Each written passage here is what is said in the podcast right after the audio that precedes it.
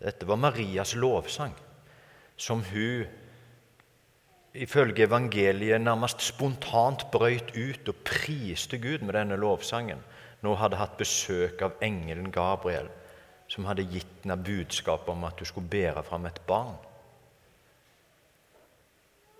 Og vi kan tenke at ja, ja, det er jo ikke alltid det passer liksom, for meg å synge lovsang. Jeg må liksom være litt i rette stemningen. sant vel? Må, jeg må jo være litt glad og fornøyd, i alle fall. Og noen ganger så føler vi det passer ikke å synge lovsang sånn som jeg har det nå. Men hvordan kunne Maria synge lovsang, da? Hun var i Charlotte sin skikkelse her veldig glad og fornøyd av at du skulle få dette barnet. Men det var nå jammen skyer på himmelen over Maria òg. Hun var 14 år. Hun, hadde, hun, var ikke gift. Det var et barn utenfor ekteskap vi snakker om. Straffen for det var steining på den tid.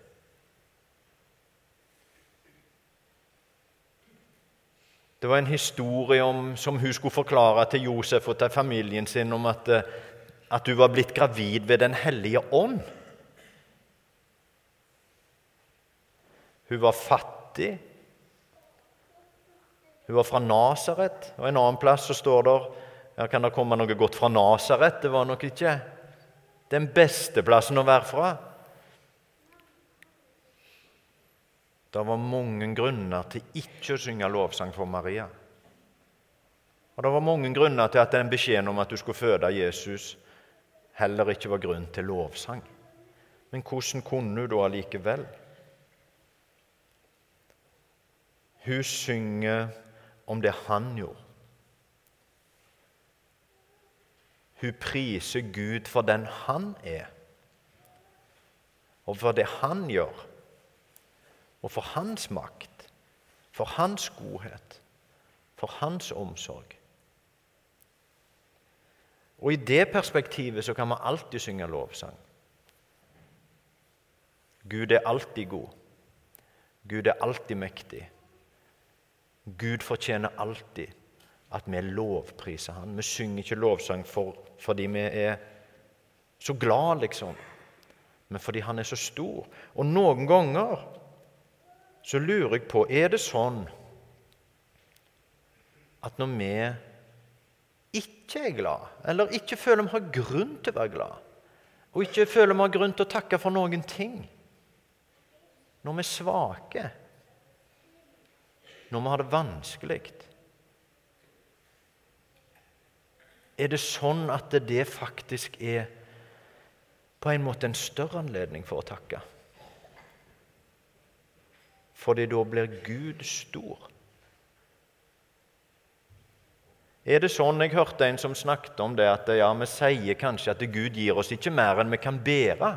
Det er en sånn ting som en gjerne sier at vi, ja, Han passer liksom på at vi ikke får mer enn vi kan bære. Nå er jeg ikke så sikker på at det er Gud som gir oss alt det som vi føler vi kan bære eller ikke. Men kanskje det heller var sånn at Gud lot der komme konstant ting vi ikke kunne bære. For å vise oss at vi trenger Han for å kunne bære. Det er Han som kan bære. Det er Han som er den sterke. Og der er Paulus skriver, altså noen rare ting. Han skriver f.eks. i andre korinterne noen ting som mange har liksom prøvd seg på å forklare hva kan det være han snakker om. Han snakker om de høye åpenbaringene han har fått. For at jeg ikke skal bli hovmodig pga. de høye åpenbaringer, har jeg fått en torn i kroppen, står det. En Satans engel som skal slå meg, for at jeg ikke skal bli hovmodig. Tre ganger ba jeg Herren om at, måtte, om at den måtte bli tatt fra meg, men han svarte, Min nåde er nok for deg, for kraften fullendes i svakhet. Derfor vil jeg helst være stolt av mine svakheter, for at Kristi kraft kan ta bolig i meg. Derfor er jeg fullt av glede når jeg for Kristi skyld er svak, blir mishandlet, er i nød, i forfølgelse og angst. For når jeg er svak, da er jeg sterk.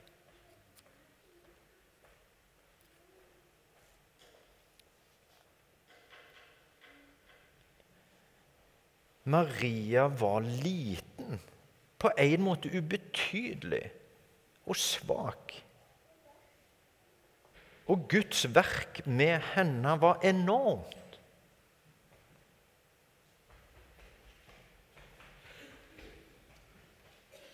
Det er på en måte helt entydig at det var Gud som handla med henne.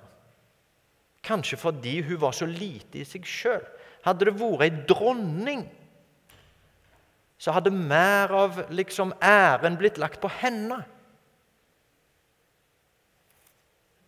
Ingen har, så vidt jeg vet, noen gang mistenkt Maria for å stå bak en form for konspirasjon med å kalle sønnen sin Guds sønn, og så liksom indoktrinere han med at 'du er Guds utvalgte', bare stå fram og si du er Messias. Og at det var liksom hun som sto bak en svær konspirasjon bak hele greia. Det er mange andre konspirasjonsteorier, men jeg har ikke hørt noen som har vært knytta til at det var Maria som sto bak det hennes eh, svakhet, om du vil, er på en måte en bekreftelse på Guds storhet. På at det var Gud, faktisk. Paulus snakker en annen plass i andre korinterbrev om at vi har skatt i leirkar. At det som vi har, er skjørt, men det som er i, er en skatt. Og jeg lurer på, Er det sånn at jo skjørere det er, jo større blir skatt? Er det sånn at jo mindre og svakere vi er, jo større blir Gud.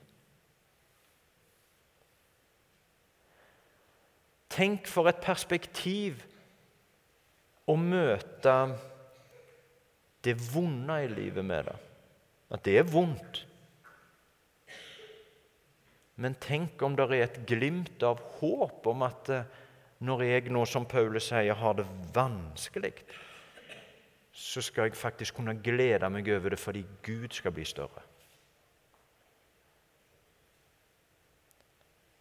Gud ønsker å vise oss at vi er avhengig av Han. Og noen ganger så er det ikke gjennom lidelse som Gud sender, men gjennom lidelse som livet gir, at Gud får en mulighet allikevel til å vise sin storhet. Det var jo, Det står jo i første Korinterbrev så står det jo om de kristne, eller om de, de, de som Paulus skriver til, da, at ja, ja, se på dere selv. Det var ikke rare greiene i første Korinterne 1. Um, ehm, skal vi se, hvor var det 18?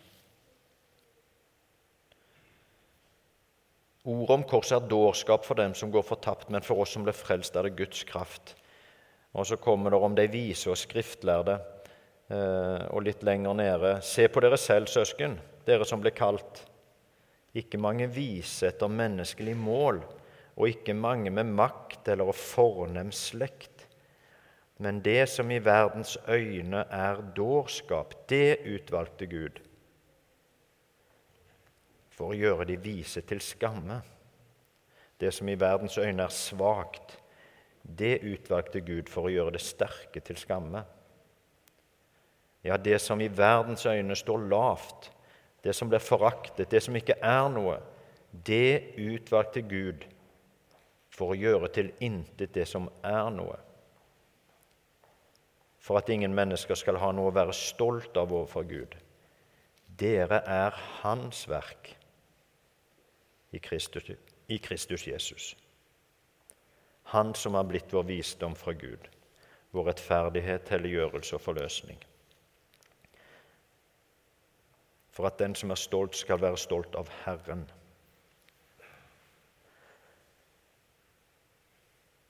Når vi er små og svake og lider, så er Herren stor. Herren er stor, Herren er allmektig, Herren er god. Han vil godt.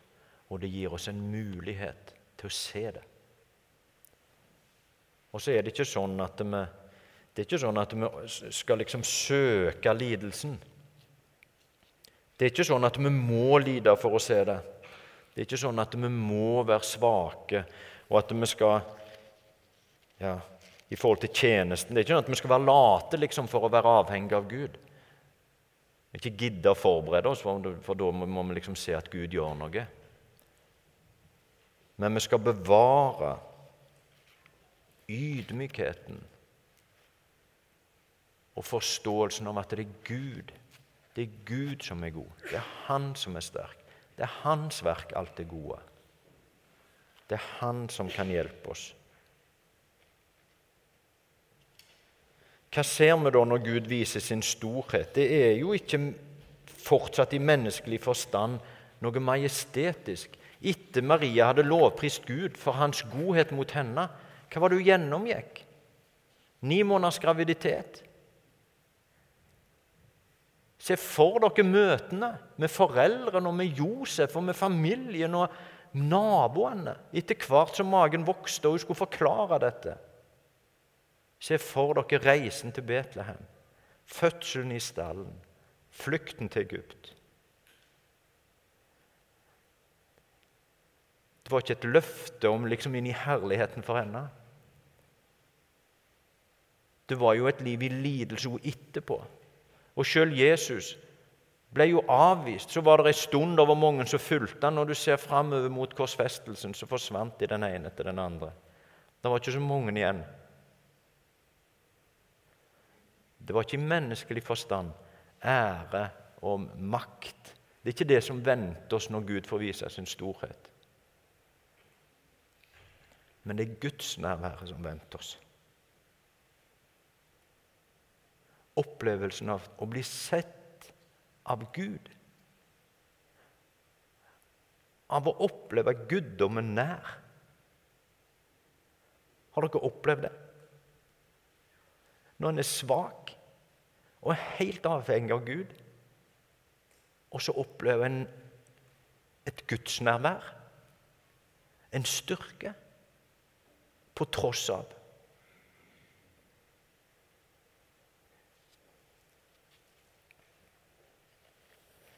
Marie er et eksempel for oss. For hun lovpriste Gud for den han var, og ikke seg sjøl for hvem hun var. Men på tross av at hun var ei lita jente, så lovpriste hun Gud. Vi synger med Maria. Hun er vår trøst og hennes villighet er vår utfordring. Jeg er Herrens tjenerinne, svarte La det skje med meg som du har sagt. Amen.